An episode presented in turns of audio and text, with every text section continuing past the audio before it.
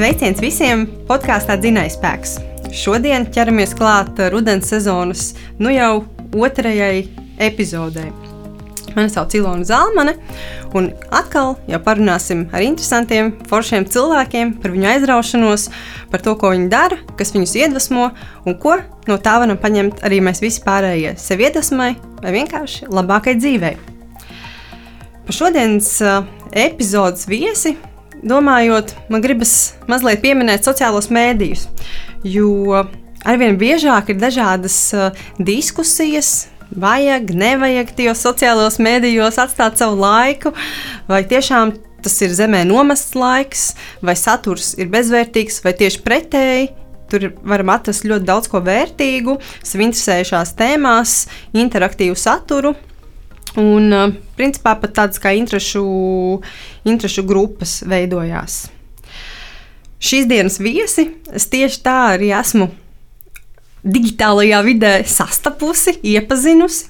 Um, jo sociālajos mēdījos sāku sekot uh, viņas profilam, jo man tas ļoti interesē, ļoti aktuāla tēma, par ko tūlīt arī runāsim.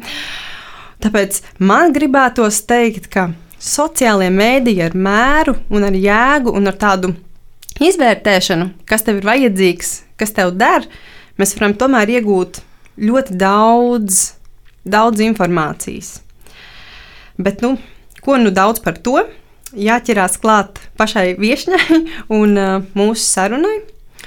Un uh, šodienas viese ir Klimta Stasjule, kas ir uh, māsa Stradiņu slimnīcā, maģistrē uzturas zinātnē, gan arī bloga Foodprep LV autora. Čau, Klimta! Čau, Ilona! Prieks tevi satikt dzīvē! Man tieši tāpatās, jo bieži vien liekas, ka internetu vidē tu cilvēku zini, tu viņu gandrīz jau pazīsti, un tad satiec dzīvē, un tad ir tā interesanti. Bet, Bet vismaz nav tā sajūta, ka tā jocīgā sajūta, man liekas, jo ir jau tā komunikācija bijusi, un tad nav tā īstenībā tā sajūta, ka tu, sajūta, ka tu redzi pirmo reizi. Jā, kaut kādā mērā tiešām ir tā, ka mēs jau būtu vakar pie kādas mm. tējas, tas būtu pasēdējuši un papļāpājuši par, par dzīvi, par uzturu un par šo mm -hmm. sarunu. Bet, um, Zini, varbūt ievadā sāksim ar tādu pavisam vienkāršu lietu. Tu, jo daudz droši vien, kas klausās, varbūt kas nav redzējuši tavu Instagram kontu vai tavu blogu, kas domās, kas tas tāds zvērs, food preps, no nu, kādas salas viņš ir izlīdis un uh, ko tāds vispār dara. Tu varbūt vari izstāstīt, uh, kas tas par konceptu, kas tā par ideoloģiju, ko tas sevī ietver. Mm -hmm. Tātad sveiciens klausītājiem visiem! Un uh, mani sauc Klimta. Uh, un es, es esmu FUTPLV bloga autore, jeb šīs sociālās, varbūt, idejas, teiksim. Uh, un ko tas nozīmē īsti? Es uh, sāku skaidrot parasti pēdējā laikā ar to, ar ēdienreizu plānošanu. Jo īstenībā es teiktu, ka food preps ir tādas ēdienreizu plānošanas nākamais solis, varētu tā teikt. Jo uh, tad, kad mēs sagatavojam, tātad food preps principā būtu ēdienreizu sagatavošana nākamajām dienām. Tātad, atšķirībā no ēdienreizu plānošanas, tad ēdienreizu plānošana mēs pieņemsim, apsēžamies, izplānojam, ko mēs ēdīsim rīt, parīt, aizparīt, kādus produktus mēs nopirksim, izveidojam iepirkumu sarakstu. Savukārt, food preps, jeb meal preps, kā to arī citreiz dēvē, ir eh, šo te jau gatavu produktu vai pat maltīšu sagatavošanu nākamajām dienām. Tā, kad viņas ir jau gatavas ēšanai, izņem no leduskapja, tā kā tādā uh, jau veikalā gatava maltīte vai drive-in takeaway, tāds princips, bet savā leduskapī pašgatavotas mājās gatavotas maltītes pašam sev. Un tu pats zini, kas tur ir iekšā, ko tu pats tur esi licis, un pēc tam nevarēs novelt vainu uz pārtikas ražotājiem. Tieši tā. kā tev pašai liekas, kas ir tādi nu, galvenie ieguvumi saistībā ar uh, food prep, jeb šo maltīšu pagatavošanu iepriekš? Mm -hmm. uh, pie galvenajiem ieguvumiem es noteikti vienmēr teiktu, ka uh, laiks, nauda, enerģija. Tas, tas ir tas, ko mēs gribam ietaupīt. Uh, vēlams visus reizē. un es personīgi pievienošu vēl tādu, varbūt, ceturto vai zem šīs enerģijas punktas, punkta, kas man īstenībā ir vissvarīgākais, laikam, jo uh, tās domas par ēdienu, un cik reizes mums dienā tomēr ir jāēd. Viens ēd, varbūt divas vai trīs reizes, bet es jūtos labāk ēdot, teiksim, mazāk smaltītas un biežāk. Tātad, cik laika man aizņemtu. Uh, domājot par veselīgu uzturu, pagatavotu vai iegādāties šīs veselīgās maltītes, kas būtu tieši man piemērotas. Un tad šis ir tas veids, ko es esmu sapratusi, kas man palīdz. Um, teiksim, vienā dienā izdomāt, un tad nākamās dienas par to vairs uh, nedomāt un izbaudīt šo gatavo maltīšu priekšrocību. Bet, kā jau minēju, arī ar šiem, uh, šiem, šīm priekšrocībām, ka es zinu, kas tur ir, es zinu, ko es ēdīšu, es zinu, kā man tas der, es zinu, ka es pēc tam jutīšos labi. Tālāk. jo man pašai arī tā kā neteikt, ka es esmu liela food prepere, bet ir mm -hmm. savas reizes, kad es uh, to daru un gatavoju līdzņemu mēdienu gan sev, gan ģimenei, ja kāds izbrauciens. Arī nevienmēr, bet nu, diezgan bieži. Un man patīk tā doma, ka tu izēj no mājas, un principā tā vēdienas gāžas un uzglūda no visiem stūriem. Milzīga mm -hmm. reklāma, McDonald's jaunais kāds tur burgers, un tad tu ej garām, un tur ir nārvesens, un tev vajag nopirkt, nezinu, tur vai etaloniņu vai vēl kaut ko, ieej, un tad, uh, tad tu redzi, oh, šeit tāds batoniņš un tāds, un tad tu ej tālāk, un Tieši tad ir televīzija, un tad ir vēl reklāma, tu aizej pie kāda ciemos, un tur uz galda stāv tur čipšu pak, un principā visu laiku tā kā tu domā, ēdiens, ēdiens, ēdiens, kaut vai, nu, manuprāt, zemapziņā, bet tā kā Tas mm -hmm. visu laiku mhm. uzpeld. Un, man liekas, ka ļoti viegli tā novirzīties no kursa un visu laiku arī kaut ko katrā tajā pieturas punktā. Paķert. Nenopirkt, vai arī nenopirkt. Jā, tāpēc man liekas, ka, ja tu esi sagatavojies, tad Jā. daudz vieglāk ir arī turēties pie tā un nenovirzīties pie pirmā kārdinājuma no kaut Jā, kāda tāda. Tieši tā, šis kārdinājums man liekas ir ļoti liela uh, problēma pēdējā laikā, jo uzturs kā tāds ēdiens uh, ir ļoti mainījis savu būtību, un uzturs ir jāskata ne tikai tas, ko mēs ēdam, tas, kas mums ir uz galda, bet uh, tādā, man liekas, plašākā kontekstā. Un, ja agrāk varbūt ēdiens bija tādas pārticības simbols, noklāts galds, pamatīgi, nezinu, rosola trauki un kotletes karbonādes, labi, tas tā svētkos varbūt, bet ēdiens kā tāds tomēr ir uzskatāms kā pārticības simbols varbūt savā ziņā. Bet šobrīd ir tā, ka ēdiens ir visur.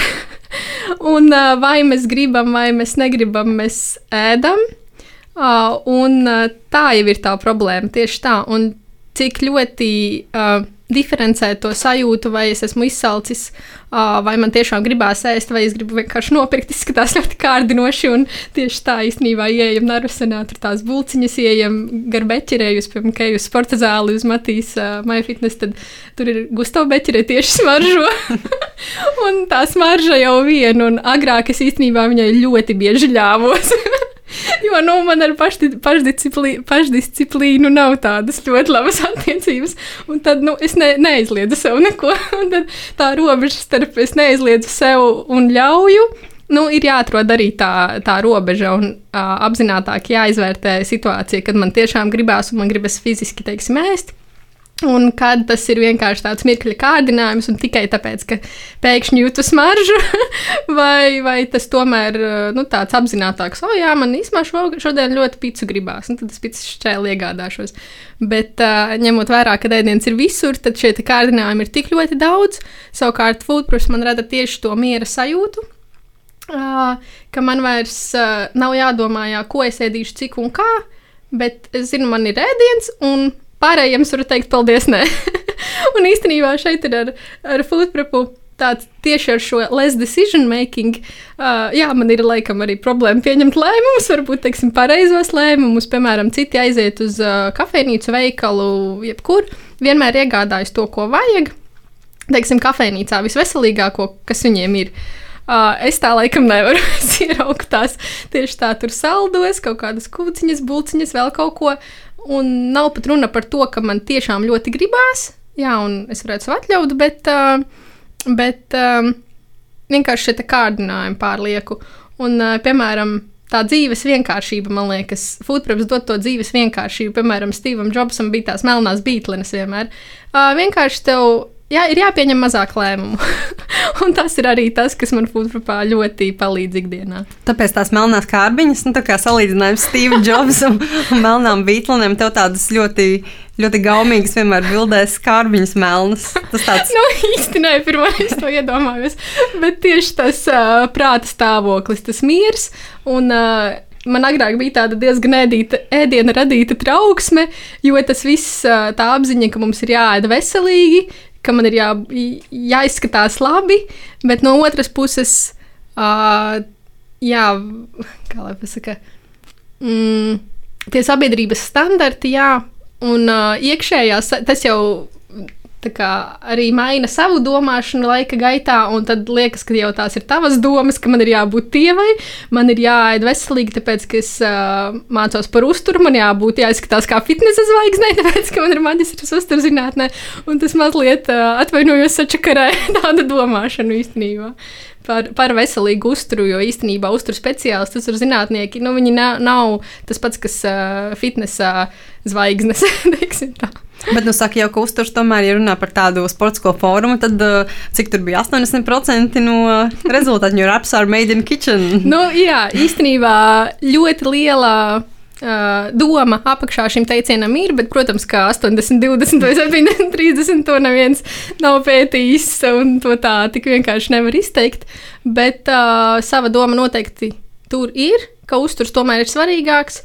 Uh, teiksim, tādā kontekstā, ka uh, Uh, uzņemot šīs kalorijas, jā, tātad kalorijas ir tas, kas mums maina ķermeņa kompozīciju. Uh, un, uh, teiksim, apēst šīs kalorijas ir daudz vieglāk un ātrāk uh, nekā viņas varbūt ikdienā patērēt. Šīs, šis enerģijas balansa princips, to ir uh, ar sportu, to ir grūtāk, teiksim, samazināt nekā skatīties ar uzturu. Uh, tomēr es iesaku abus variantus, jebkurā gadījumā. Tā kā, ja mērķis ir uh, uzlabot formu, tad uh, tu iesaki gan uzturu, gan sportu, un abus tā kā roku rokā jā, jā.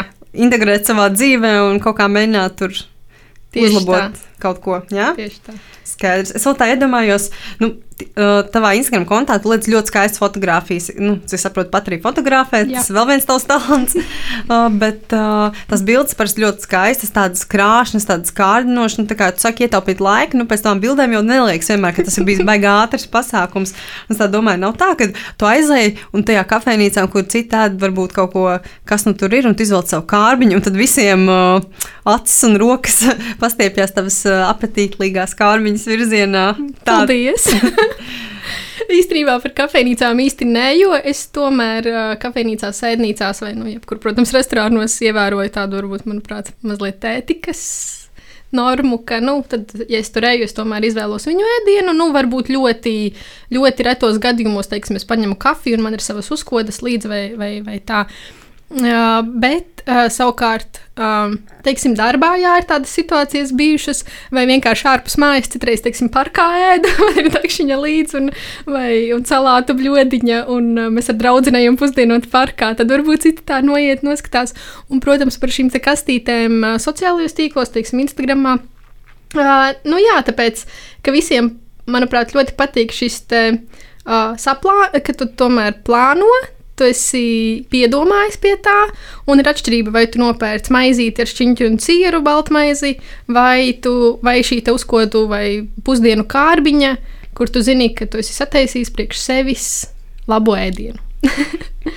Jā, jā. Man liekas, arī kaut kādā mērā cieta kopā ar tādu apzinātu ēšanu vai vispār apzinātu dzīvošanu. Tagad tāds diezgan populārs, populārs trends, un nevien vairāk to runā. Un man jau pašai liekas, ka es jūtu beigu atšķirību. Piemēram, par tām pašām, nezinu, šokolādes končām serenāt, kas man ļoti garšo. Mm -hmm. Stāv mājās bļodi, un cerēs te garām, pat jau pamani, ka roka jau automātiski vienkārši garām, to paņem attais apet, pat garšu nejūt. Vienkārši viņu mm -hmm. nolaid pa visu barības vadu lejā un visu, un ar to arī viss tā kā beidzās. Pat prieks īsti nekāds no tā. Un tad ir atšķirība, ka tu uztaisīji kafiju, un tu paņem to konfekti un apsēdies. Mm -hmm. un tu, Taisi vaļā papīriņu, dzirdi, kā viņš čauks. Tā izbaudi visas šīs sensorās un tekstūras un garšas nianses un dimensijas. Un tad arī to novērtē, un tu zini, ka tu esi tagad to konču apēdis, jūties labi. Nevis tā, ka dejot garām tieši tā, trauciņam desmit apēdu, un tad redz tikai papīrīšus un secini, ka laikam es apēdu, bet neesmu nemaz izbaudījis. Mm. Tāpēc man liekas, ka nu, vajag bieži vai viena vai otra galējība, nu, kad liekas, ka mm -hmm. vispār končas saldums tas ir slikti. Nē, nē, nē, vispār, nu, tā kā. Mm -hmm aizliegts. Tas ir viena galējība, un otra tā, ka nu, rokas stiepjas visos virzienos, jo taču uh, ko neierobežos sev neaizliegs, būsim brīvi attiecībās ar ēdienu un tā tālāk. Jā. Un, un tad kaut kur man liekas, tā patiesība ir nu, tā kā Viņš pa vidu kaut kāds mm -hmm. balanciņš jāatrod. es jau sāku domāt, es savā ziņā esmu tāda pelē, kā pēle, zin kā par, par uzturu un par visu runā balts melns. Tas, tas ir ļoti labi, tas ļoti slikti, tas veselīgs, tas neveselīgs, un tā, bet viss ir atkarīgs no konteksta.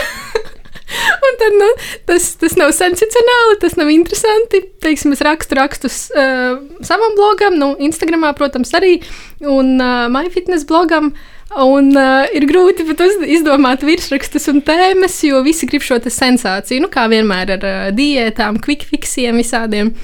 Un, ja tu gribi uzrakstīt kaut ko tādu diezgan garlaicīgu, bet, teiksim, balstīt uz uh, zinātniskiem pētījumiem, nu, tad tev ir jāatrod tas knifiņš kaut kāds, teiksim, uh, tagad pēdējais rakstīju par uh, ūdeni, cik tad mums dienā daudz būtu jādzer ūdens.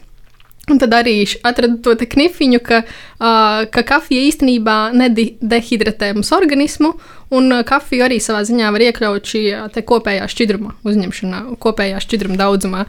Un, uh, Tas jau, man liekas, ir gana sensacionāls. Nu, fakts. jā, jā, bet, uh, bet tā tad jāatrod jā, tāda knifiņa, jo tā lielākā informācijas daļa ir tāda back to basics, diezgan garlaicīga, ēdiet dārziņus, dzeriet ūdeni un, un tādi, tādi uzturu padomi. Um, jā. Bet man liekas, ka diezgan bieži. Nu, Tev tas liekas pašsaprotami, un tāds saka, ja tur nu, nekas tāds sensacionāls. Bet ļoti daudziem cilvēkiem var būt kaut kādā uh, brīdī tomēr šī informācija priekš viņiem var būt pietiekami sensacionāla. Ja tu visu laiku dzīvo ar apziņu, ka uh, jāēd veselīgi, no rīta tikai nezinu, auzu putra klāt, tur uh, ko varētu pielikt, nezinu, izdomāsim. Mm, Zemesrieks sviestu, piemēram, mm -hmm. ja pusdienās tur, uh, nezinu, gaļiņa salāti, varbūt tur bišķiņi rīsi, noteikti brūnie, dievs pasaka, mm -hmm. nekādi citi. Uh, vakariņās arī kaut kas, nu, tā kā viss ļoti tāds, kā pēc grāmatas. Un cilvēki tā, nu, cenšas to ievērot, bet kaut kādā brīdī man liekas, tāda nu, neapmierinātība, nu, ka tomēr ēdiens arī ir bauda un tev dažreiz gribās mm -hmm. varbūt to nezinu, to kūciņu vai kaut, nu, kaut ko nejautu kā visu laiku, bet ot, ir tās reizes. Un tad tu ēd, un tev liekas, ka Dievs pasaka, ka es daru kaut ko nu, tādu sliktu, sliktu vai aizliegtu. Un tu bez mazliet tādu slēpjoties kaut kur, ka tikai kāds neredz. Un nedod Dievs, ja tas ir uzturs speciālists vai uzturs zinātnē, nu, ar maģistra grādu uzturs zinātnē, jo tad teiksim, arī es kādreiz vai darbā, vai kaut kur tagad nesen biju ielikusi bildi arī, kad es ēdu snickeru. Turklāt es biju uzlikusi ar ko man tur laikam kopā bija tomāti, maizīte, nē, tomāti. Omlete var būt, jo es tieši nodomāju, ka uh, ogļu ir, teiksim, olbaltumvielas bijušas šķīvja, dārzeņi bija. Tā tad varbūt, jā, teiksim, uh, omlete, tomāts un klāta bija mazais snikera gabaliņš. Un bija ielikusi bildi, un tad jau bija daži komentāri. Ai, ai, ai, ai, ai, ai. Tieši tas jau arī liecina par to sabiedrības tādu um, šīs superveselības vai tāda pārspīlētuma uh, tendenci, manuprāt, ka nedod Dievs, ja tu esi uzturu speciālists, tu neēd kaut ko tādu, bet uh, teikšu godīgi, tīpaši ārzemēs. Uh, mēs visi esam tomēr cilvēki, un man liekas, ir jārāda tieši tā, tas pelēkais, tā, tā, tā pelēkā robeža, tās pelēkās peles, bet um, ir jāveicina tas, ka nav šis balts, melns, veselīgs, neveselīgs. Ir ļoti atkarīgs, cik tu bieži ēd, vai tu to izbaudi.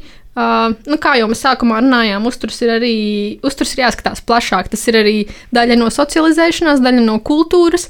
Teiksim, uh, pizza šķēle piekdienas vakarā vai brokastu pankūku rīta svētdienā ar ģimeni, vai nu, tā varētu ilgi, daudz un ilgi turpināt. Teiksim, arī pusdienā man nav ne foodprep, es iešu draudzenēm. Uh, Uz restorānu pusdienās. Un tas, tas arī, tas, ja es foodprepoju, tas nenozīmē, ka man ir sagatavots vienmēr šis, te, man liekas, viss stereotipiskākais par uh, foodprepu, mīlprepu. Ir, teiksim, ka gatavo svētdienā, Jā, tātad tie, kas nezina, tad būs izsmeļošs foodprepa stereotipisks tulkojums. Svētdienā pagatavot vistas fileju, rīsus un brokoļus visām darba dienām. Un tad ēst visu nedēļu vienu to pašu. Un, jā, brokastīs var būt auzu pārslas ar proteīnu pulveri un ogām. Tātad šīs te klasiskās maltītes un visu nedēļu vienu to pašu. Bet uh, tā galīgi nav. Es tomēr arī. Um, analizēju savu, teiksim, apskatu savu nākamās nedēļas grafiku, paskatos, šajā dienā man vispār es neēdīšu mājās, es negatavošu. Vai tur es iešu, pieņemsim, vakar es biju ciemos pie māsas, nu man arī vakariņas tad nevajag, bija sushi ballīte. un tā tad tas nav tāds pārspīlētā, ka man vienmēr ir kastīte līdzi, vai es braukšu pie omes vai vecmāmiņas, vai iešu ar draudzenēm ārā un tā tālāk. Man liekas, ka arī tāds nu, viens no foodprep variantiem, kaut vai tu gatavo vakariņas visai ģimenei, uz taisa lielu katlu, mm -hmm. nezinu, kaut kādu sautējumu, piemēram, ļoti garšīgi, ļoti veselīgi, izbaigi forši. Paliek pāri, un tu vienkārši nevis met ārā vai tur atstāji kaut Tieši kur tā. bojāties, bet tu viņu ieliec kārbiņā, tu zini, to ēdīs ir pusdienās, un kaut kādā Jā. mērā tas arī skaitās, vai ne? Īstenībā daudz nemaz neapzinās, ka viņiem foodprepā. nu, no, tas tagad ar tā sāk domāt. Jā, tieši tā, šis te sautējuma katls vai zupas katls, nu, jo mēs varam tomēr, nu, Katls ir katls, jā, mēs izvērām, cik tur ir. Mēs varbūt uh, neprēķinām šīs konkrēti maltītes, cik tur būs, bet tas pat arī nav svarīgi. Un, uh, tā tad, jā, vai arī, teiksim, uh, sagatavo šīs, šo sautējumu vai zupu, vai arī uh, vakariņas nākamajā dienā paņemam līdzi uz darbu. Tas arī ir izcils uh, veids, kā sākt lēnām foodprepot. Un daudzi to nemaz neapzinās, ka viņi jau dara. Šī pusdienu kastīte līdzņemšanai uz darbu arī ļauj ietaupīt uh, gan naudu noteikti, tīpaši, ja tu strādā centrā. Uh, kā arī laiku, ja tev ir pusdienām jāatvēl šī stunda, bet kafejnīca varbūt nav tajā ēkā, konkrēti ir jāiet ārpus, tad tas arī aizņem šo stundu. Savukārt, ja tev ir meltīte līdzi, uh, bet pieminēšu gan, ka leduskapim ir jābūt darbā, un um, uh, tad uzreiz var apēst, un vēl pusstunda paliek pāri. Tu vari iet vienkārši pastaigāties bez, bez naudas, lai nepaņemtu nekādu vēl batoriņu un vēl tam līdzīgas lietas. Tā kā ir šie principi, kā visvienkāršāk ir ieviest, jā, foodprep savā ikdienā. Es tieši tā teiktu, ka tas ir pirmkārt šis zupas katls, sautējuma katls, ko mēs izvāram, un mums, teiksim, nav jādomā uh, par nākamās dienas kaut vai vakariņām. Tas jau vien ļoti atvieglo dzīvi. Nav šie jautājumi, ko mēs šovakar ēdīsim, ko gatavot, ko nopirkt. Un šī ļoti biežā iešana veikalos, jo es retāk eju veikalā, jo man retāk gribās iet veikalā. Tālāk, jo arī mēs vienmēr paņemam kaut ko lieku, un tā var būt kaut kādā ziņā tā trauksme, ko, nu, ko, ko tagad pirkt, ko es no tā pagatavošu.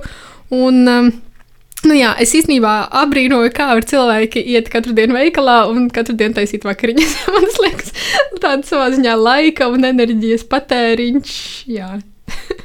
Jo man pašai tā, ka es bieži eju veikalā, nu, klātienē veiklā kaut ko nopirkt, mm man ir saraksts, un tad vienmēr es nopērku nu, vēl kaut kādas lietas, mm -hmm. vispār, par ko es pat domāju. Es nebiju, jo nu kā taču vajag. Es pamanīju un sapratu, ka vajag. Un bez 20 eiro man liekas, nekad vairs nevar iziet no veikala. Tāpēc, tāpēc jāapdomā, jā, šī te gājienu uz pirkstu. Bet vēl variants, ka tur pasūtīt uz mājām, droši vien tu pat arī, cik es pamanīju, tu esi rakstījis, kad uh, tu tā dari. Pārtiku. Jā. jā, jā. Es esmu gan mēģinājusi gatavo uh, servisu Tā kā maltītes ir tagad šobrīd Rīgā kādas četras kompānijas, kas piedāvā jau gatavas maltītes pasūtīšanai, bet uh, lielākā problēma ir cena, jo, nu, teiksim, dubultā. Mani izdevumi vismaz dubultā, jā, tas ir mēneša maksa. Jā, un savukārt vienai personai, ja tu dzīvo viens ļoti labi pelni, teiksim, un galīgi negribi par ēdienu domāt, bet gribi uzturēt figūru, tā ir ļoti laba opcija, manuprāt. Bet uh, priekš ģimenēm vai kaut vai dzīvojot divatā, un, nu jā, tad, nu, teiksim, 1200 eiro diez vai kurš pāris var atļauties uh, par, uh, par, par ēdienreizu, par šīm gatavām maltītēm maksāt. Savukārt, uh, Tā, daži knifi iepērk, teiksim, ēdi, plānojot ēdienreizes un uh, iepērkoties. Um, tad viens būtu, jā, protams, iepirkuma saraksts, uh, kuru mēs uh, uztaisām, zinot, ko mēs jau gatavosim, kas mums vajadzīgs tām maltītēm. Un otrs, uh, kas atvieglotu šo procesu, tiešām uh, pasūtīt internetā pārtiku. Jā. Es to ļoti bieži nedaru, bet pēdējā laikā aizvien biežāk, jo arī tas, tas rada mazāku šo trauksmi par veikalu steigājot. Protams, ka dārziņus un augļus tos gan gribās pašai citreiz izvēlēties, tad es vai nu aizbraucu tirgu vai tiešām ieeju veikalā, bet zinu, ka tikai nopērku to, to, to. Vai, teiksim, nedēļas sākumam pasūtu šajā internetu veikalā, un tad nedēļas beigām aizēju piepirkt klāt augļus, dārziņus, svaigus zaļumus un tādas lietas, piena produktus. Nu, šobrīd jau viss tā kā stāstīju ar tādu nopietnu pieredzes vēzumu un dalies arī ar citiem, bet kā atkāpjoties tā kādu solīti vai pāris solīšus atpakaļ, kurā dzīves brīdī tev vispār pašai radās tāda nu, pastiprināta interese par uzturu? Pirmkārt, jau nu, ietu mācīties, vai arī kurā brīdī tu nolēmi, ka pievērsties food prepam, jeb maltīšu sagatavošanai, vai arī tas jau pat jau neatceries, cik sen, vai kas mm -hmm. bija pirmais, nu, kā tas tā mm -hmm. notika? Tas mans stāsts, laikam, ir tāds, ka, uh, nu, Jau, ui, jau, jau, jau ļoti, ļoti sen, kad es mācījos uh, bakalauros māksliniecības. Tad es atceros, ka es ēdu tikai brokastu pārslas, uz pārslu cepamas, maizītes, nu šīs te, šīs te koju dzīves lietas, jo virtuvē iet negribās, neko tur gatavot negribās. Es gatavot arī nemāku. uh, Tālūk, bet uh, šī interese par veselīgu uzturu ir uh, paralēli bijusi vienmēr, lai gan izlēmu studēt uh, māksliniecības. Un tad uh, pabeidzot šīs bakalaura studijas, strādājām, tur vēl bija dažādi tālāk izglītības kursi, un tomēr gribēju iestāties uh, maģistra programmā, uzturzinātnes, uh, šo interesi padarīt tādu nedaudz profesionālāku. un tad nu, bija, man liekas, tas, kas. Uh, Mazliet jā, mainīja manu dzīvi, ka, ka no vienas puses esmu ārstniecības persona, es uh, studēju maģistrantūrā par uzturu. Uh, bet man ēšanas paradumi tajā laikā bija laikam vissliktākie. Un attiecības ar ēdienu arī tāpēc, ka strādāju slimnīcā 240 stundas mēnesī. Tas ir ļoti daudz. Tie, kas nezina, normāls slodzi ir jā, 160, 180 kā kur mēnesi. Uh, un pilna laika studijas. Un, protams, vēl sociālā dzīve. tad, tad viss vēl ir jāpaspēj. Uh, un, um, nu jā, un šajā aizņemtajā laikā uh, es no vienas puses mācījos, kā, kas būtu veselīgs uzturs, no otras puses es, man nebija laika. Šis te populārais, populārais uh, teiciens vai atruna, ka man nav laika ieviest šos paradumus savā ikdienā. Un tad, uh, tad es uh, sāku analizēt savus paradumus. Redzēju, cik daudz saldumu es ēdu, kādos brīžos es ēdu, kur es, ēdu, kur es ēdu. Teiksim, paskatījos uz to savu uzturu un savu dzīvi, savu veselīgo dzīvesveidu mazliet no malas, ka no, no, no, tas vairs nav veselīgi. un uh, tad sapratu, ka kaut kas ir jāmaina. Un, um, uh, sekoju dažādiem ārzemju profiliem, jau biju redzējuši šo prep, food prep ideju.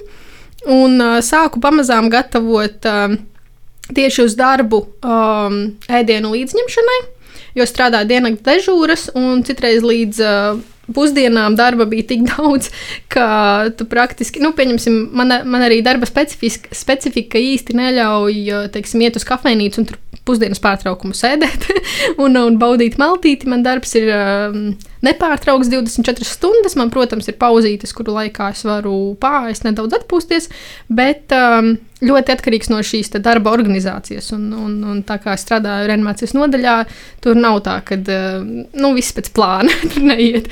Uh, līdz ar to es pamanīju, ka darba laikā ir īpaši, uh, teiksim, ap 4-5 es beidzot saprotu, cik maz esmu sēdusi, cik izsalkusi es jūtos. Ironiski, bet mums uh, darba teritorijā bija uh, uz to brīdi, laikam, Narvisens, salas kafejnīca un vēl viena ēdnīca, kurā bija Bulciņas primāri. nu, vēl viena kafejnīca tur tālāk, bet man jau tik tālu vairs negribējās iet, jo nu, tā darba specifika to īsti tā neļāva. Es jau jutu, jutos satraukusies, ka man zvanīs tūlīt un tā. Un tad, uh, ko tad es visbiežāk pirku, tās bija bulciņas. Un uh, piedos būciņas. Nākamajā dienā, domāju, viss jāsāk diēta. un uh, atkal uz, uh, gatavoju maltītes ar, tad jau es zināju diezgan daudz ko par uzturu. Un uh, gatavoju savas maltītes ar ļoti zemu kalorāžu, pārāk zemu. un tad atkal sākās šis te, tā saucamais visi binge eating, un īstenībā man tas um, diezgan nopietna tēma, par ko īstenībā par maz runā. Uh, man tas uh, noveda gandrīz līdz ēšanas traucējumiem. Un tad es sapratu, nē, nē, nē, nē, nē tā nevar. Un tas, kas manuprāt, man izglāba, ir šī uzturu paradigma analizēšana un ēdienrežu plānošana, ka man tomēr ir maltītes līdzi. Es varu ātri kaut ko atvērt leduskapi, kaut ko veselīgu, apēst savas līdzņemšanas uzkodas. Un uh, tad arī viss tas tā, man liekas, stabilizējās laika gaitā. Jo tad nav tā, ka es piedos būciņas saldumus, nākamajā dienā man tas viss jānodzer nost, man jāiet uz sporta zāli. Es jūtos vainīga, nekad vairs nedīšu saldumus. Protams, ka nekad nu, pienāk ļoti ātri ar tādu režīmu, jo tad, tad ka lieturies tik ļoti, ka, ka tev pēc divām dienām jau organisms prasa vairāk kaloriju, un tad atkal sācēs būciņas un saldumus.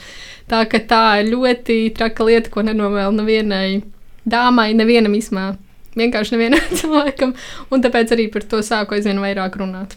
Nu jā, tu pieskāries uh, vienai tādai lielai tēmai, par ko es arī noteikti gribēju ar tevi runāt, un tieši tā ir dažādi mīti, uh, stereotipi par to, kādai būtu jābūt mūsu ēšanai un mūsu ikdienas ēšanas paradumiem, un īstenībā galvenokārt jau par dažādiem grābekļiem, ko visbiežāk cilvēki sastopas savā ceļā un diezgan braši uz tiem uzkāpju dabūmu papīru. Un tu mm. seko līdzi pati sociālajos medijos, noteikti arī kādiem citiem profiliem, kas, kas visādi informāciju dalās, un tev cilvēki diezgan bieži raksta un prasa un komentāru, un tev noteikti ir kaut kāds viedoklis izveidojies par, par to.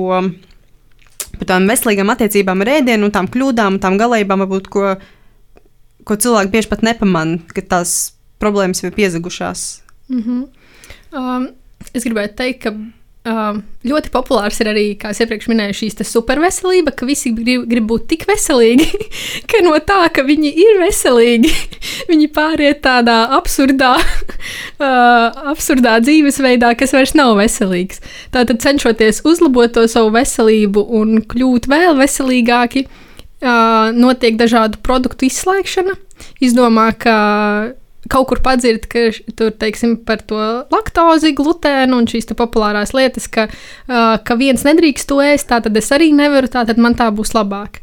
Uh, šī, es teikšu, ir li ļoti liela kļūda, jo. Uh, Nu jā, tātad, ja ir diagnozes, tad jā, bet ja mēs esam vienkārši, ja mēs pēc šiem produktiem jūtamies normāli, tad nav vajadzības mums viņus uh, savā ēdienkartē izslēgt. Drīzāk mums viņus vajag, teiksim, graudaugus, arī pilngraudu produktus. Uh, mums viņus vajag organismam, un, uh, un, un, un tā tad daudzi domā par uzturvielu deficītiem. Uh, Uh, bet, ja mēs neesam izslēguši produktus, ja mūsu ēdienkarte ir normāla, tad uh, ir diezgan maza iespēja, ka mums būs kādas uzturvielas deficīts. Un tad arī ir jāskatās, teiksim, vērtīgāk būtu aiziet pie uzturu speciālista un to visu izrunāt savu esošo ēdienkarti, nevis izdomāt sev jaunas problēmas. Jā, jā, man liekas, tagad, teic, tas tiešām diezgan uh, populāri. Man liekas, tagad pat parastā nu, veiklā parasti pārtiks kā, produkts kaut kāds. Un, lai, mm -hmm. Man liekas, kā, tas mārketinga triks, lai tikai kāds ielikt savā groziņā, tur jau viņš pat nav pie speciālas pārtiks, bet vienkārši milzīgiem burtiem tur bez laktozes, bez mm -hmm. glutēna, bez tā, karoči, bez nekā. Mm -hmm. vienkārši tīrs gaiss. es nesen redzēju, tieši vakar vai aizvakar, Instagramā bildi ar diētas ūdeni. Etiķetē. Uh, Diet water, jā, vai kaut kas tāds. Tad tur bija joks, ka beidzot, beidzot, bez šī ūdens man īstenībā nekas nesanāca ar to diētu. Un arī turpinot to pašu, kādas, teiksim, varbūt kļūdas vai, vai, vai, vai tādas interesantas lietas, ko es novēroju, kā šīs diētas, nepārtrauktās diētas. Un uh, man tā, nu, mazliet smieklīgs reizē, jo, jo ir tāds teiciens arī, nu, tīpaši, es teiksim, sekoju lielā mērā visiem ārzemju profiliem, un tur arī par šo mazliet zobojas, ka diētas gandrīz sanāk. Tāpēc, ka gandrīz, jo, teiksim, notiek šis svara zudums, viss liekas ļoti forši. Šodien nomet vienu kilogramu, rītdien parīt aizprīt, ir mīnus 5 kg. Bet ko cilvēki nepadomā, ka, te, ka, tā, ka tie nav tauki. Tas, ko šis svara zudums, tas ir uh, gan ūdens, kas vienkārši no organisma aiziet, gan zarnu saturs, uh, un tad labi tauki, liesā ķermeņa masa, tas nu ilgtermiņā, jā, bet pir, pirma, pirmās dienas cilvēki nezaudē taukus. Un, uh, Tā tad šī diēta gandrīz sanāk, zaudēja mīnus 5 kg, bet kas tad notiek pēc tam? Mums vajag jaunu diētu, jo paiet kaut kādas dienas, svars atkal uh, palielinās vai uz ūdens rēķina, vai mēs vienkārši vai lielāku apjomu apēdam porciju, un tātad mums zarnu saturs sver jau vairāk. Un, Mēs ļoti fokus, es, es teiksim, redzu sabiedrībā, jā, ka notiek ļoti liels fokus par to ciparu svariem. Protams, ka ir liekais svars, tas ir uh, jau cita lieta, bet šie mīnus trīs uh, liekie vienmēr kilogrami, ko gribas panākt. Uh, tā tad, ja arī kādu dienu viņi ir mīnus trīs, tas ļoti, tas, tas nenozīmē, ka ir nomesti mīnus trīs kg tauku. Un ir tīpaši sievietēm arī šajā ir notiek uh, ciklā izmaiņas ar svāru, tāpēc šiem te gramiem, uh, 100 gramiem, 200 gramiem nevajadzētu pievērst tik lielu uzmanību. Un tomēr, ja mēs gribam ilgtermiņa risinājumu, uh, ir jāmeklē ilgtermiņa rīcība, tātad darbības ilgtermiņā. Tālūk. Tad ne ar kādu sensacionālu paziņojumu klajā tu nenāksi, jaunu diētu nepiedāvās, kā jā. tuvākās nedēļas laikā atbrīvoties kaut vai no tiem pašiem pieciem kilogramiem. Jā, jā. jā. Ai, cik žēl. Es tieši cerēju, ka pēc šīs sarunas būs baigā iedvesma. Varēs baig... ielikt virsrakstā. jā, nu, vot. Nebūs, nebūs šī tāda lieta. Nu, nekas. Bet, ziniet, kā, ziniet, kā es nesen arī dzirdēju vienā podkāstā ļoti labu teik, teicienu no, no personīgā trenera. Pieviliniet klientus ar to, ko viņi grib, teiksim, presīti un tādas lietas, un tad iedodiet to, kas viņiem ir reāli nepieciešams. Normāls uzturs, back to basics, tātad dārza ņolot, vēl sogrāt, mazliet tauku, spēka treniņi vai vienkārši fizikās aktivitātes, kas rada prieku tātad ikdienas aktivitātes, un tas, tas pats pamats. Un, jā, vēl par šo pašu tēmu, tad uh, tu teici savu pieredzi, kad bija, ka tu pārāk mazēdi, un tas sekoja mm -hmm. ar to, ka mhm. atkal bija tā pārēšanās, un tas viss tā kā mm -hmm. pāpli, pāpli. Jo, man liekas, nu, kā, pat neteiktu, ka ikdienā, bet arī kādā dzīves brīdī man ir esmu kaut ko līdzīgu sastapusies, nu, tas ritms dienas vienkārši tāds mm -hmm. ir. Un liekas, beigās, kāpēc tas svars piemēram ir tāds, kāds viņš ir, un kāpēc tur nekas nemainās tādā virzienā, kā gribētos, lai kaut kas mainās. Un, un, uh, cik bieži redzi no malas, kad arī citi ar šādu problēmu saskarās un paši to nesaprot un nepamanā? Problēma kā tāda ir ļoti izplatīta. Uh, it īpaši, teiksim, uh, bieži notiek tā, ka darbdienās mums ir tas režīms vēl, sev kaut kāds tā standarta ikdiena, tad mēs uh, vairāk sevi disciplinējam, un mums ir šie ilgtermiņa tādi mm, ēšanas paradumi un, teiksim, treniņi varbūt trīs reizes nedēļā vai kā. Un kā nedēļas nogale, tā viss ir vienalga. Un tad arī bieži, bieži ir tas, kas uh, traucē varbūt sasniegt tos um, savus nospraustos mērķus ķermeņa kompozīcijas uh, saist, sakarā, teiksim, ķermeņa svara, teiksim, tauku, tauku zudums, jā, vai svara zudums. Tā, no otras puses, es teikšu, godīgi, ka man, šīs, man šī problēma jau bija um, tādā varbūt lielākā mērā. Jau tiešām es nelieku savu diagnozi, neesmu ārsts, bet uh, ar tādu ļoti izteiktu tendenci uz ēšanas traucējumiem, konkrēti uz bulimiju. Un uh, tas jau ir ļoti nopietni. Tas, uh, tas teiksim, ir. Uh, mazāk sastopams, bet um, tikai par piemēru ņemot, kā es vispār par to sāku runāt savā Instagram profilā. Uh, man jau pēc, uh, pēc pirmās informācijas, ko es vispār dalījos par šo tēmu, uzrakstīja viena meitene, ka viņa gribētu personīgi satikties, ka viņai ir tiešām šī diagnoze. Un, uh, un teiksim, parunāt vismaz ar kādu, kas to saprastu. Jo šī problēma tādā ļoti virspusējā līmenī ir ļoti daudziem. Šīs vienmēr diētas, noraušanās no diētas.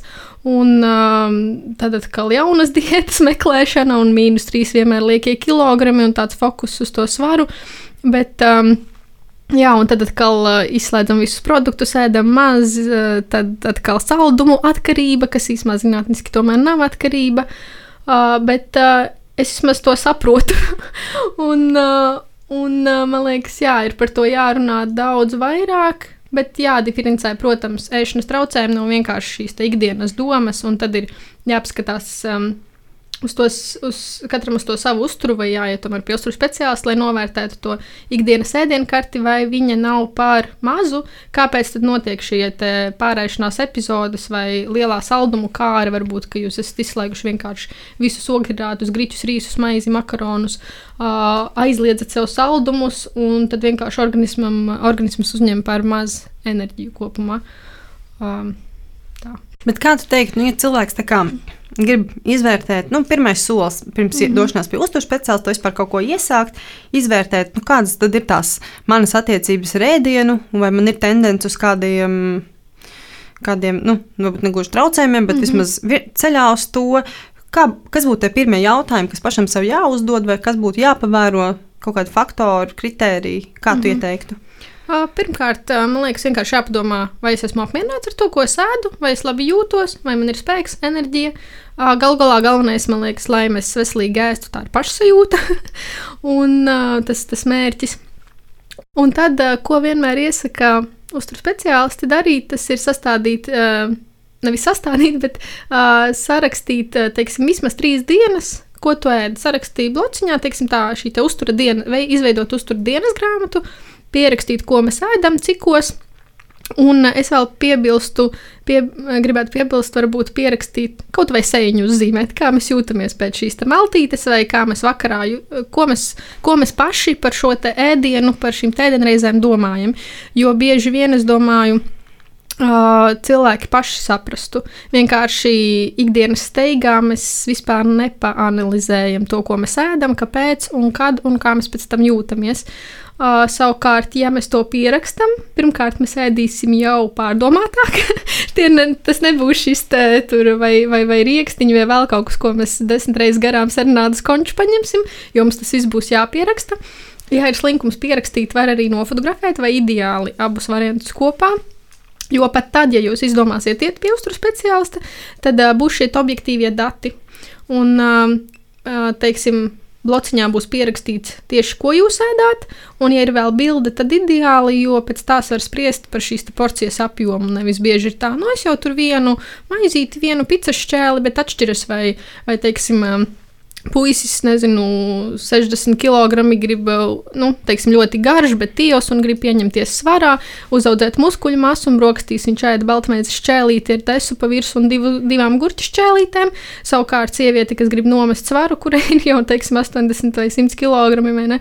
Un es jau tikai vienu maizi šķēlīti apēdu, bet um, tur būs, um, nu jā, tur būs uh, lielā, ba, nu, bagete ar sieru un salikt, uh, salikt vēl dažādi kaloriski produkti apkārt. Un, nu, tā tad uh, pēc, šī, tad, pēc šī viena vārda, vai tā ir maizīte, vai tas ir saldējums, vai tas ir teiksim, 50, 75 ml saldējums, vai tā ir lielā, lielais saldējums ar vivas cepurīti. tā tad. Uh, Tātad šie būs vienkārši objektīvi dati, pēc, tiem, pēc kuriem skatīties tālāk un novērtēt uh, arī citam objektīvāk šī cilvēka uzturu. Man ļoti, kā, es ļoti sev varu attiecināt arī to, ko tagad teici, jo nu, man pašai jau vairākas reizes to piemēra uzturs tā kā ļoti tāda interesanta, tuva tēma, par ko es varētu lasīt un domāt un runāt. Un man ļoti patīk pašai visu kaut ko izmēģināt, nu, lai saprastu, kā, kā tas strādā. Es esmu mēģinājis arī tādas lietas kā, piemēram, paleo diētu, nu, kur ilgāku mm -hmm. laiku esmu vairākas produktu grupas izslēgusi. Tie ir intereses pēc. Mm -hmm. kā, es saprast, arī īstenībā. Ja? jo gribējās saprast, nu, kā kāds ietekmēs mani, var, varbūt tā tiešām ir īstā pieeja. Mm -hmm. Un tajā laikā gan jāatzīst, ka man nebija īpaši daudz tāda zinātniska Mm -hmm. pamatojuma, bet vairāk skaisti uzbūvēta ideja. Bet, nu, jebkurā gadījumā es gribēju to pamēģināt pati, jo viens ir tu lasi un klausies, ko citi saka, mm -hmm. bet cits, ka tu pats noprovē, kas tas īsti ir. Un um, otra tāda arī lieta, kur, par ko es īstenībā nu, līdz galam sajūtu, man nesmu. Es arī nedomāju, ka cilvēkam tā ilgtermiņā būtu jādzīvo. Tas ir skaitīt kalorijas, tīri mm -hmm. intereses pēc visu, ko tu ēdi, sasvērt un pierakstīt, jo bieži man liekas, es jau ēdu tik maz. Mm -hmm. nu, mhm. bet tad es pati sapratu to, ka tu nosver, tu saliec, un pēc tam kalorijām, vismaz pēc tā vidējās tās normas, kas ik kā cilvēkam būtu jāpēd, nu nav tur maz. Nu, galīgi nav maz, un tas, tas viss baigi baigi salasās. Man liekas, nu, tur viena karotīte ar zemesrīgas sviestu, nu, vai tur bišķiņa eļļa, bet uzgāzt to šļuku eļļas, un tad saproti, cik tur īstenībā tas ir mm -hmm. daudz. Tu uzreiz jau tā kā sāc bišķiņu domāt, man liekas. Un es arī tā kā to pašu ēdienu teicu, nofotografēju un arī skatos. Um, tā kā tādā kontekstā plašākā izvērtē, mm -hmm. ne tikai tur, cik tur ir uh, grāmatā olbaltumvielas vai nē, kas cits. Nē, pat bieži mēs vienkārši no bildēm saprotam, jā, kas jo, tur ir palielināts. Jo man uzreiz jau nu, pirmais bija skaidrs, ka es tā kā. Varbūt gribu pārāk bieži kaut ko iest, un ļoti bieži es ļoti neobjektīvi novērtēju to ēdienu to daudzumu, vai to sastāvu, vai kas tur ir, kas tur nav, varbūt kas arī trūkst. Jo Man arī kas liekas, kas vienmēr būtu tāda problēma, ka ļoti bieži cilvēki domā, pirmais, ko varētu sev nogriezt, ko varētu Jā. sev atņemt, bet nepadomā, bet vai man viss pietiek. Jā, mēs nedomājam par to, ko mēs varam ēst, bet eh, ļoti fokusējamies uz to, ko mēs nevaram ēst. Izslēgsim to, to, to, to. Bet, ja mēs aizejam uz tirgu, piemēram, un mēs visu tur varam ēst, tur ir tik liela izvēle. Un, jā, tā tad Man liekas, ka tu jau saliksi uz šķīvi visu pilnu ar sākumā ar dārziņiem, tad, mm -hmm. piemēram, nu, nezinu, labi izceptā. Gaļa vai zivs. Nu, vienalga, kas, ko nu kurš ēd, mm -hmm. kāds varbūt gaļu vispār nē, bet tā kā būs šis olbaltumvielas avots, pāēdīs, un tad klāt var būt vēl kaut ko drusciņu. Tad jau pat mums tik daudz vairs negribēsies to kaut ko, to saldumiņu mm -hmm. vai kaut kādu traknumiņu vai kaut ko tādu. Un, un kopumā kaut kā tas izbalansēsies, man tā liekas. Vienkārši bišķiņ, bišķiņ jāpiedomā pašam mm -hmm. par to. par kaloriju skaitīšanu arī es. Um, Varbūt bieži par to runāju, bet uh, es noteikti ne, nedomāju to, ka visiem ir jāsver un visiem ir jāskaita kalorijas. Bet uh, kāpēc es to gribētu akcentēt? Ka ir ļoti daudz šie quick fixi, par ko, mēs, ko, par ko runā, teiksim, svara samazināšanas kontekstā, uh, bet galvenais tomēr ir kaloriju skaits. Bet ko es ieteiktu darīt ikvienam, paskaitīt trīs dienas. Paskatīties vienkārši uz iepakojumiem, jo cil, ir tādi cilvēki, kas nekad nav lasījuši ne sastāvu, ne apskatījušies, cik simts gramos ir kalorijas, cik liels ir tas iepakojums, teiksim, rieksti. Ļoti labs piemērs, veselīgs produkts. Bet uh, viņos ir daudz kaloriju, tāpēc mums arī savas porcijas ir. Um, teiksim, jāregulē, vai mēs apēdam 30 gramus riekstu vai 100 gramus riekstu. Tā ir jau ļoti milzīga atšķirība. Un, um, Un tāpat laikā arī pretējais, vai ne? Tur nogriezt milzīgu arbūzu šķēli, un tev liksies ārprāts, ārprāts, cik viņa ir liela un Jā. cik tur daudz tas cukurs Jā. un kas tur. Bet tagad tu saproti, ka, hei, nemaz tik traki nav un tu vari apēst un pat nejusties vainīgs. Tieši tā, un par ko es gribēju tieši par kalorijām vēl teikt, kāpēc es ieteiktu trīs dienas paskaidīt. Vismaz tāpēc, ka bieži vien uh, kaloriju skaitīšana tieši parāda to, cik maz mēs ēdam. Teiksim, arī es skatoties uh, savas. Teiksim, piecu gadu vecas bildes ēdienā. Uh, skatos, ka man tur ir apceptas pupiņas. Nu, labi, vismaz kaļā. Lai gan citreiz arī es vienkārši tvaicēju. Tas nozīmē vienkārši, teiksim, 200 gramu pupiņas un uh, mazs vistas filijas gabaliņš, kas, protams, nekādās mērcēs nekur nav marinēts. Vienkārši balta vistas filija. Pirmkārt, negaršīgi. Otrkārt, tajās pupiņās ir tik maz kaloriju jau, un tā vistas filija jau ir tik liesa. Treškārt, ir izslēgti vispār ogļhidrāti, kad arī nav brīnums, ka pēc tam man bija šīs te saldumu lēkmes. Un, um, Tā tad uh, šī porcija ir vienkārši par maz kaloriju. Tur jau ir redzams, un tā tad uh, jau trūkst barības vielu organismam. Un, bet, kā jau teicu, mēs bieži paši radām šīs tas problēmas. So. Un tas gan, man liekas, uz to cilvēkiem ir talants. Mm -hmm. Ja nav problēma, izdomāsim. Tieši tā, tieši tā. Bet um, jā, skaidrs ir tas, ka tu ļoti daudz domā par uh, to informāciju, ko tu nodod saviem sekotājiem, jo tā tomēr ir diezgan liela atbildība. Jo Jā. cilvēki seko, lasa, un kāds varbūt papēta vairāk, kāds varbūt patiešām arī paņem mm -hmm. un neizanalizē. Es īstenībā cenšos pat ļoti maz ko teikt, tāpēc šī te konteksta dēļ, jo tad, kad uh, uzdod jautājumu, man, piemēram, ļoti daudzi sūta privātas ziņas ar uh, kaut kādiem jautājumiem, bet es nevaru tik vienkārši atbildēt. Man tas, uh, es citreiz, teiksim, ielienu gultā, jo taisos iet gulēt, redzu uzraksta jautājumu kāds. Jā, domāju, nu labi, atbildēšu. Sāku atbildēt, tas man aizņem 20 minūtes, jo, lai es, uh, lai saprastu vispār to situāciju, kāpēc ir ra- radies šis jautājums, un saprastu, kāds varbūt ir tos primāros parametrus, varbūt kāds ir svars, kāds ir mērķis cilvēkam, kā es teicu. Vai, vai, vai puisis, kurš grib palielināt svaru, muskuļu masu, vai sieviete ar lieko svaru, kura grib samazināt tauku masu, tur ir pilnīgi dažādi uh, ieteikumi. Un, uh, Es ļoti ieteiktu izvērtēt, jā, no kā jūs uzklausāt šo, šos uzturā ieteikumus, vai ir kvalificēti vai, vai vismaz zinoši cilvēki, vai tiešām ir vērts, un vai jūs to ieteikumu varat paņemt priekš sevis, jo, kā saka, you, tu vienkārši dari, kā tev ir ērtāk, kā, kā, kā, kas ir piemērots tavai ikdienai. Piemēram, vienā pētījumā, tiksim, tādā lielā pētījuma kopsavilkumā arī bija, cik tad reizes dienā ēst. Tur no 3 līdz 17 reizēm. Ēdot dienā, nebija atšķirības svara zudumam. Tātad galvenais ir kaloriju skaits, bet, atli, bet šo, šī, šo maltīšu skaitu mēs varam piemērot savai ikdienai. Un pat ja es pateiktu, ka ēdiet tagad 17 reizes dienā, tā jūs vieglāk samazināsiet svaru. Un tas mūsu ikdienā ieviest, es domāju, nezinu, viens no simt cilvēkiem varbūt to varētu ieviest ikdienā.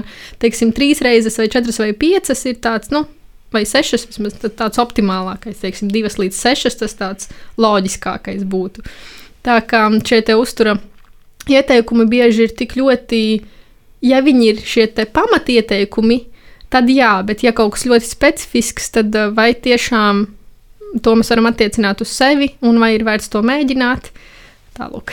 Bet kā no tevis tā sajūta nāk, ka ar to, ko tu dari, gan ar uh, saviem sociālajiem mediju kontiem, gan uh, ar to, ka tu arī vadi dažādus seminārus. Pēdējā laikā esmu pamanījis, mm -hmm. tu biji arī izziņojis, vai ne? Jā. Uh, tu nesen sāki filmēt YouTube video par to, mm -hmm. ka, par pirmiem soļiem ieteikumiem, kā sākt uh, plānot, gatavot maltītes. Jā. Kaut kā tev ir tā misijas sajūta, ka tu šo informāciju to uh, vēlēsies nodot arī tālāk. Jā, tāpēc, kad skatoties apkārt, kas notiek, tad citreiz nezinu, smieties vai raudāt, vai, vai, vai abas kopā. Un, uh, es gribētu, lai pamatā ir šis te food preps. Ar to principā, teiksim, uh, censties palīdzēt cilvēkiem, jo man tas ir šī ideja ļoti palīdzējusi. Un es arī redzu no maniem sekotājiem, kas uh, sūta man bildes ar savām prep kastītēm, savām pusdienu kastītēm, uzkodu kastītēm. Vai saka, pat nezinu, teiksim, ceļojumos, es dalījusies ar, ar idejām arī, ko lidmašīnā paņemt līdzi. Jo, nu, kā mēs zinām, tad lidostās ir diezgan dārgas maltītes, un arī ne tās, teiksim, varbūt piemērotākās mums.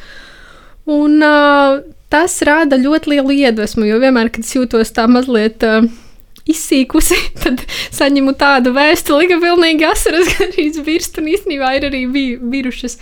Un, uh, savukārt, atkal runājot par food prepu, man tomēr ir uh, jāsāk runāt arī par ēdiena drošību, kas ir liel, lielā mērā šis te. Arī svarīga tēma, lai šis mūsu sagatavotais ēdiens nepaliek mm, bīstams. Un uh, otra lieta arī, tomēr, ja mēs plānojam uzturu, tas jebkurā gadījumā visbiežāk būs um, būs jau veselīgāks. Bet um, bieži mēs, ja, nu jā, es bieži redzu šo te, um, apmulsumu par to, kas tad skaitās veselīgs. Tāpēc es sāku laikam vairāk arī par to veselīgu uzturu kā tādu runāt. Un kas būtu tavi tādi top 3 uh, ieteikumi ceļā uz veselīgāku uzturu? Nu, tāda pavisam vienkārši, no šodienas, ko, es, ko cilvēks tāds vidējais var darīt? Uh... No šodienas, nevis no pirmdienas. nu, labāk jau no šodienas. Tieši tā, pirmkārt no šodienas. Uh, ko es pati, par ko teiksim, es vis, visvairāk piedomāju? Pirmais, dzert ūdeni. jo īstenībā, kā mēs dzeram aizvien mazāk ūdeni, tā. Uh, tā mēs bieži jaucam šo izsalkumu sajūtu ar slāpēm kas arī liek mums bieži pārēsties, un tāpēc arī var gribēties saldumus. Uh, jo tauki arī oksidējoties, rada vairāk ūdeni. Es nezinu, vai tas var būt viens no izskaidrojumiem, bet uh, es vismaz priekš sevis jūtu, ja es dienā maz izdzeru ūdeni, un tiem nav jābūt obligāti diviem litriem. Sāksim kaut vai apskatīties, cik jūs dzerat šobrīd, Un, teiksim, man šobrīd ir 750 ml jauna pudelīte, lai es varu tikai vēl vienreiz uzpildīt, un man jau sanāk pusotras litras, bet es apņēmusies kaut vai izdzert to 750, jo citreiz man ir tiešām tā, ka es izdzeru varbūt puslitru tikai dienā. Um, Tātad pirmais dzert ūdeni, otrais ēst dārzeņus. Tātad mums ir īstenībā tik liela ekstra šie sezonas vietējie dārziņi, un arī pat, pat, ne, pat ne, ja mēs ejam uz tirgu, mums veikalos ir īstenībā normāli dārziņi. Un, uh, Un nav ko domāt tik daudz par pesticīdiem, bioeko un uh, vegānu glutenfrī un visu, bet, bet vienkārši ēst vairāk dārziņus, ko mēs gandrīz visi darām par maz. Uh, Cik augsts un ogas? Cik, tavuprāt, būtu tāds vidējais dārziņu daudzums dienā, nu, kas būtu ieteicams? Vai kā to izmērīt? Nu, kā, kā lai zinātu, kas apēd pietiekami daudz dārziņu? Mm, nu, arī jāskatās, cik jau šobrīd ir. un tad, teiksim, ir tāda ieteikuma par 400 gramiem uh, dienā. Bet uh, es ieteiktu vienkārši katrai ēdienreizei pielikt vai nu dārziņus, augļus vai ogas klāt. Uh, nu, ar augļiem, jā, tur, protams, arī varbūt jāskatās, kā mēs zinām, tad augļos ir cukurs. bet, ja mēs ēdam visu augli kā tādu, tad tas viss ir ok. Uh, bet, uh, teiksim, ja mēs uh, no rīta brokastīs taisam omleti, piegriežam klāt, uh, nu, blakus omletei nolikam tomātu. Ja mēs uh, ēdam auzu pārslu putru, uh, pieberam ogas klāt, mellenes, teiksim. Un tā tālāk. Nav tam apjomam varbūt jābūt milzīgam arī, un tas tiešām ir atkarīgs, cik jau tiek šobrīd ēsts, bet lielākā daļa tomēr ēd par maz.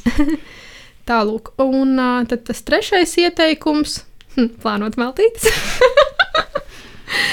jo, jebkurā gadījumā, kā jau teicu, plānojot un piedomājot, mēs tomēr tas jau savā ziņā ar šo apzināt, apzinātāku ēšanu, apzinātāku dzīvi sasaucas. Un, Uh, kā teicis, arī bildēju ēdienu, un uh, tās visas ir manas bildes, ko es, ko es izmantoju gan prezentācijās, gan, protams, sociālajos tīklos. Man ir tāda uh, viena bilde, kur ir burgerīts, bet arī tur ir pilngraudu maize, tur ir salātiņš, tur ir tomātiņš, tur ir uh, jā, to pat bildē nevar redzēt, bet tur ir um, šī burgera kotletīte no pupiņām. Pagatavota. Līdz ar to, kāpēc burgeru nē? Un tā nav pat jāuztver kaut kāda šī veselīgā versija un tādas, nu, atkal jāiziet tādās pārāk. Uh, pārāk psiholoģiskās lietās ar to, vai, vai, vai mēs atļaujam, vai mēs aizliedzam, vai, vai tagad ir meals vai nav.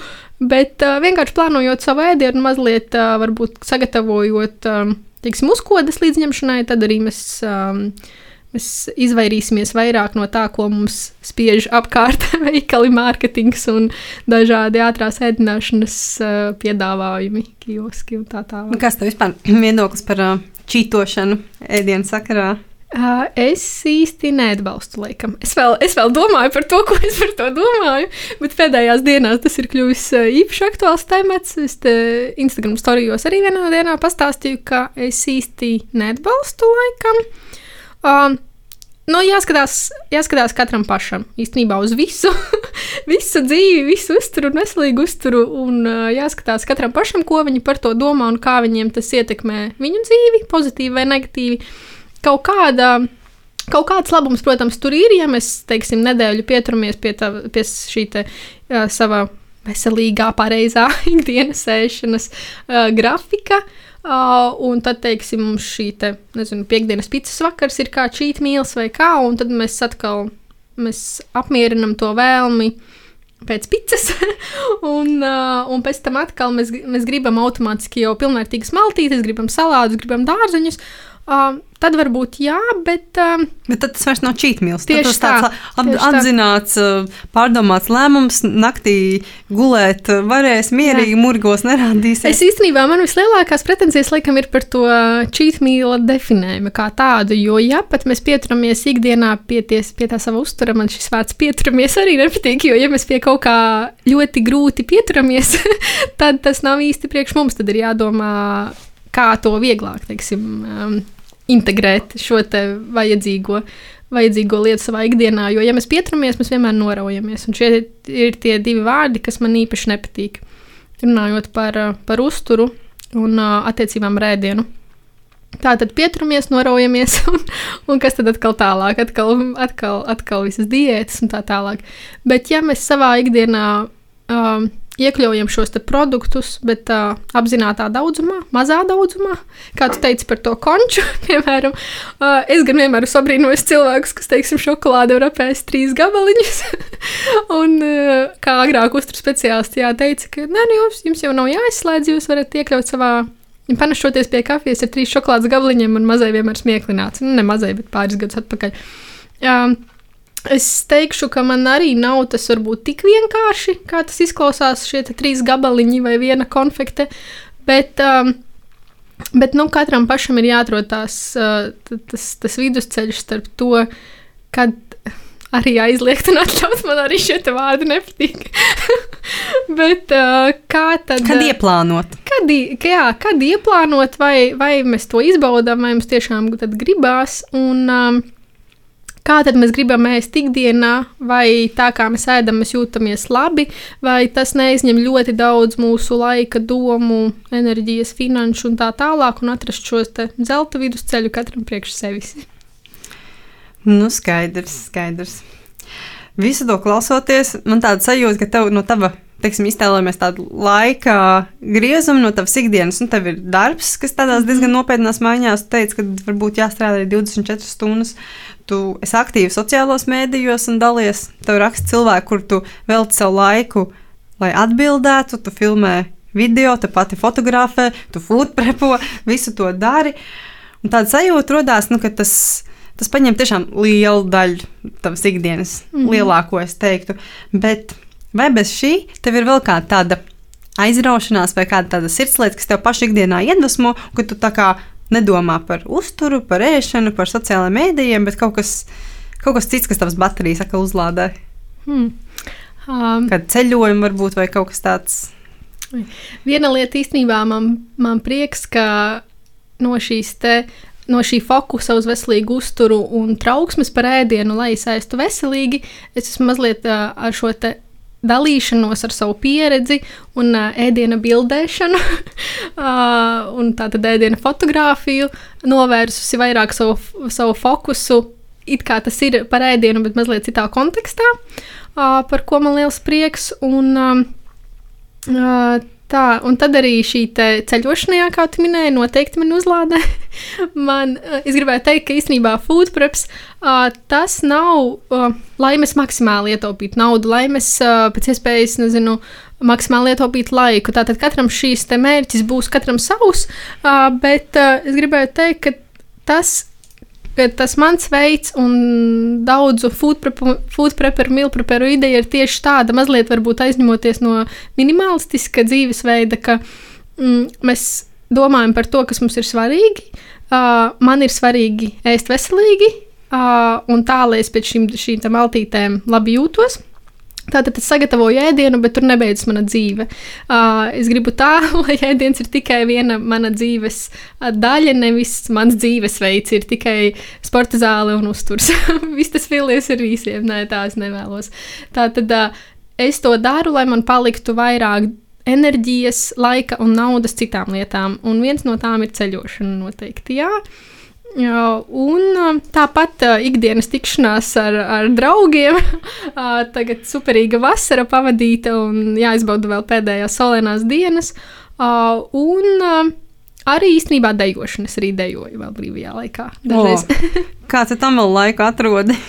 nu, tieši tā, ka ja, ja no viena, mm, teiksim, fokusu pār, pārceļ uz citu, un tad attiecīgi saplāno, tad Visā, visam var atrast laiku. Kā, kāds stila dejs, ja nav noslēpums? Uh, salsa bečata kizomba. o, riktīgi izklausās tādos rudenīgos tumšos vakaros, tā, kad jau varbūt enerģijas uh, līmenis dabīgi krītās, tad mm -hmm. aizēja vakarā izdejojies tādos karstasinīgos ritmos un uzreiz dzīve liekas krāsaināk. Galu galā, galu taču veselīgs uh, dzīvesveids, tas nav tikai veselīgs uzturs, tas ir arī Uh, un, un pat ne tikai fiziskās aktivitātes, kas ir treniņi, tā ir uh, tomēr aktīva ikdiena.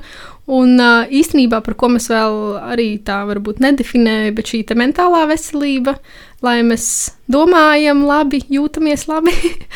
un galu galā, jā, lai dzīve ar šo pārāk uh, veselību, superveselību nebeidzas, bet mēs uh, izmantojam to, lai darītu to, kas mums patīk, un, uh, un dzīvot forši vienkārši.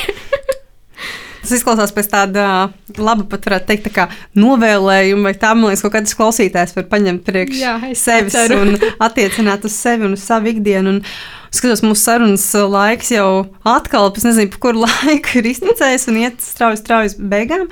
Bet es to gribēju vēl pajautāt um, tādu lietu, ja tu vēlēsies padalīties, varbūt, kā tev šobrīd sajūta, kur virzās food prep? Kā, kā projekts, kā profils, kā nezinu, bloks, kā informācijas avots, kā tava aizraušanās, kas ir tas kurs, uh, kur viņš stūrē un ko mēs varam drīzumā no tevis sagaidīt. Ļoti interesants jautājums, es par to pati domāju. es esmu paņēmusi pēdējā laikā aizvien biežāk ņemu šīs pauzītes, uh, gan mazliet no Instagram, gan arī, arī no food prepošanas, lai saprastu, kāpēc es galu galā to daru. Es vienmēr atgriežos pie food prepa, jo es saprotu, ka man tas ir vajadzīgs, man tas ikdienu padara ērtāku.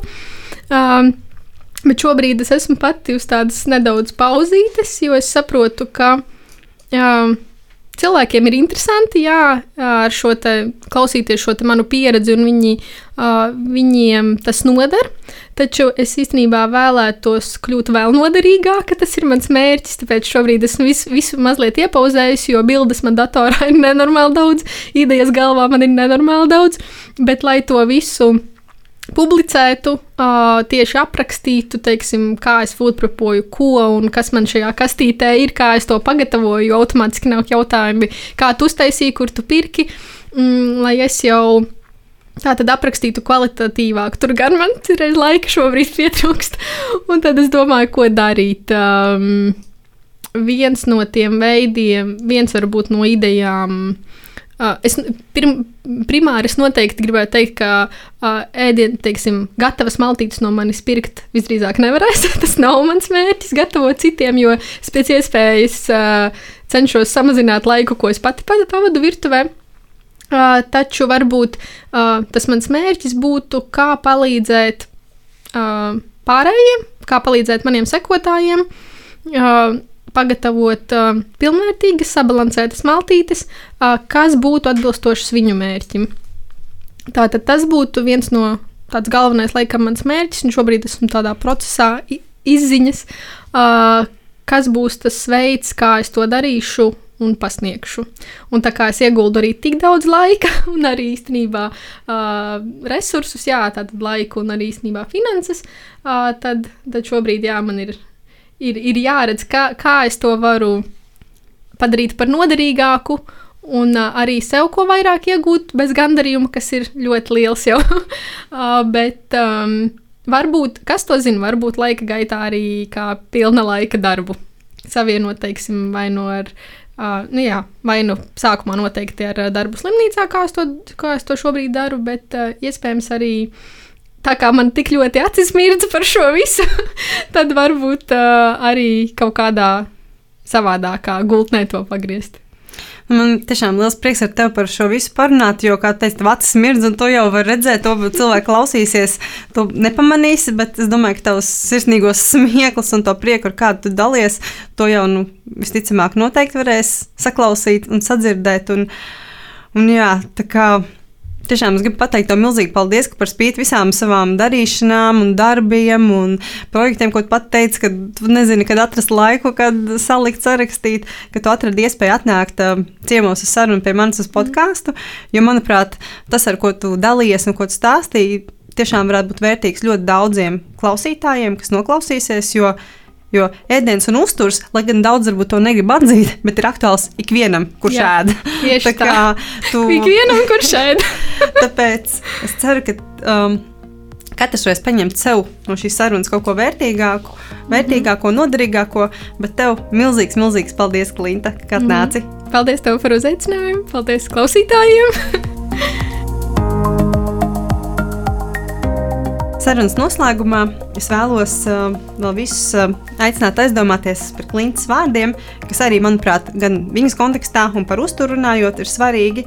Bet ik vienam no mums varbūt savu reizi vajadzētu paņemt tādu nelielu pauzi, restartam, apdomāt, ko mēs darām, kāpēc mēs darām, kas ir mūsu prioritātes un uz ko mēs virzāmies. Un man liekas, ka šādas pauzes, lai arī dažkārt varētu šķist atņem mums laiku, mēs šurējam ap to laiku izdarīt vēl kaut ko uz priekšu un skriet un skriet, bet īstenībā ilgtermiņā, tāpat kā ar uzturu, tas mums var iedot daudz, daudz vairāk. Un, ja jūs esat nolēmuši kaut ko sākt uzlabot pēc šīs sarunas savā uzturā vai savā ikdienā, tad arī, kā Klimta teica, negaidīsim to pirmdienu vai to maģisko 1. janvāri, kas īstenībā nav vairs aiz kalniem, bet sāksim, sāksim darīt visu jau no šodienas. Un tad tie rezultāti droši vien arī būs daudz patīkamāk, ātrāk un savā ziņā vienkāršāk, nevis nemitīgi atliekot lietas. Tā kā paldies visiem klausītājiem, paldies, ka klausījāties šo dzinējspēku epizodi, un ar jums tiksimies pavisam drīz kādā jau no nākamajām podkāstu epizodēm. Atā!